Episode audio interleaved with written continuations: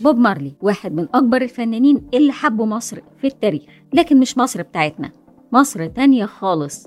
تخيلها من خلال ديانة الراستفاري واللي كان بيؤمن بيها واللي خلته واحد من أوائل المبشرين بالمركزية الأفريقية. ده قبل ما تظهر موجتها بكثافة في السنين اللي فاتت. وطبعا دلوقتي بتسأل إيه هي ديانة الراستفاري دي وإيه علاقتها بمصر؟ أنا سالي حسام وده اللي هنحاول نعرفه من خلال الرموز في كلمات أغاني بوب مارلي في حلقة النهاردة من بودكاست نقاط في دقائق.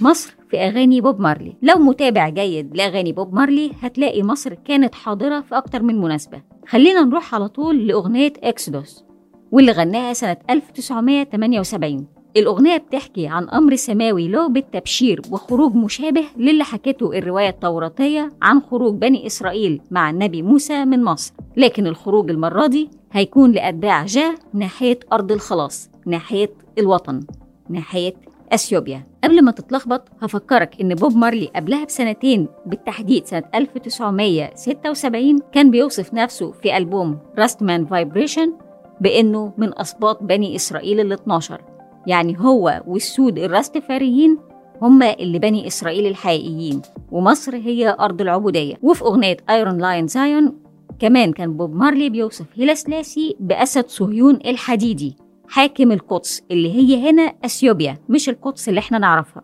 إنه يتبع دينا جديدا. عشان نفهم اللغز ده هنحتاج نرجع لظروف نشأة بوب مارلي. اتولد في 6 فبراير 1945 لأب وأم المصادر ما أجمعتش على تفاصيلهم.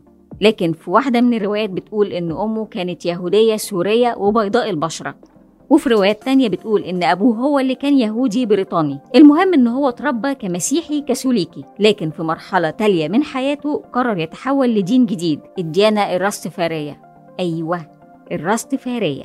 طب تطلع إيه بقى الراستفارية دي يا سالي؟ اصبر على رزقك.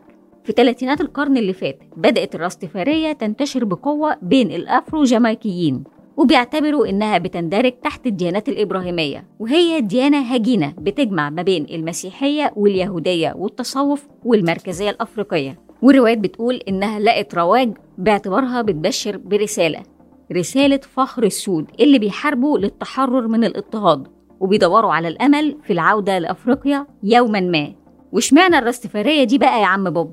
مفيش معلومة مؤكدة. بعض الروايات بتقول إنه تأثر بموجة صعودها في جامايكا قبل ما يزيد التأثير بسبب مراته ريتا وأخيرا بزيارة الإمبراطور الأثيوبي هيلاسلاسي لجامايكا في 1966 قبل ما تسألني بقى وإيه جاب اسم هيلاسلاسي في الموضوع ده هجاوبك أنا المرة دي. الديانة الجديدة بتدعو لإله واحد اسمه جاه متجسد في شخص. الشخص ده يبقى هيلاسلاسي نفسه.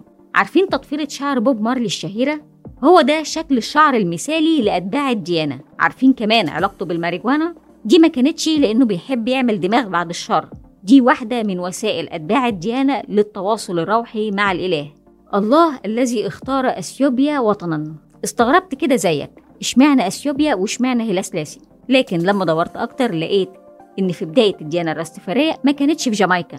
دي بدأت في القرن ال 18 بين الأفارقة المستعبدين في أمريكا. واللي استخدموا نصوص من الكتاب المقدس عشان يرسموا تصور مثالي عن أفريقيا زي مثلا المزمور 68 31 واللي بيقول يخرج الأمراء من مصر وستمد أثيوبيا قريبا يديها إلى الله. اختيار أثيوبيا بالتحديد ما كانش عبثي مش بس لأنها وردت في المزمور لكن لأنها دولة أفريقية غير محتلة. وفضلت الديانة تبشر بإن جاء اللي هو الإله الواحد ساكن جوه كل فرد من أتباعها لحد ما وصلنا لأوائل القرن العشرين وظهر أهم اسم في تاريخ الراستفارية ماركوس جارفي. وده كان بيروج لمركزية أفريقيا باعتبارها أرض الخلاص وقال لأتباعه نبوءة إنه هيتم تتويج ملك أسود في أفريقيا وإن الملك ده هو المخلص كأنه المسيح يعني. واتسربت الأفكار دي في وسط الديانة الناشئة. واللي بقى ليها نصوص دينية مستحدثة زي إنجيل الرجل الأسود. لحد ما جه الملك الأسود المخلص اللي هو مين بقى؟ زي ما أنت توقعت.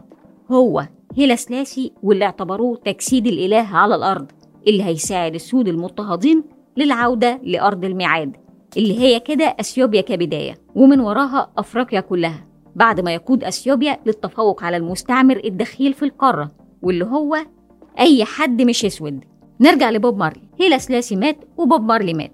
وبعض الروايات بتقول إنه رجع للكاثوليكية قبل ما يموت. لكن فضلت الديانة الراستفارية وفضل بوب مارلي الشخص اللي بشر بيها للعالم كله. وعشان كده في 2005 حصلت محاولة لنقل رفات بوب مارلي لأثيوبيا. في أرض كان هيلاسلاسي أهداها لمجموعة من أتباع الديانة ديت. ده غير طبعا تمثال برونز في أديس أبابا. طبعا ما هو الراجل اللي قال على مصر إنها زيها زي الدول الغربية اللي بتقمع الرجل الأسود. يا راجل ده حتى علم الراستفاري بنفس ألوان علم أثيوبيا. بكده بتخلص حلقتنا النهارده. هنسيب المصادر في الديسكربشن ولو عندكم أي استفسارات أو اقتراحات ابعتوا لنا على info الدقائق دوت نت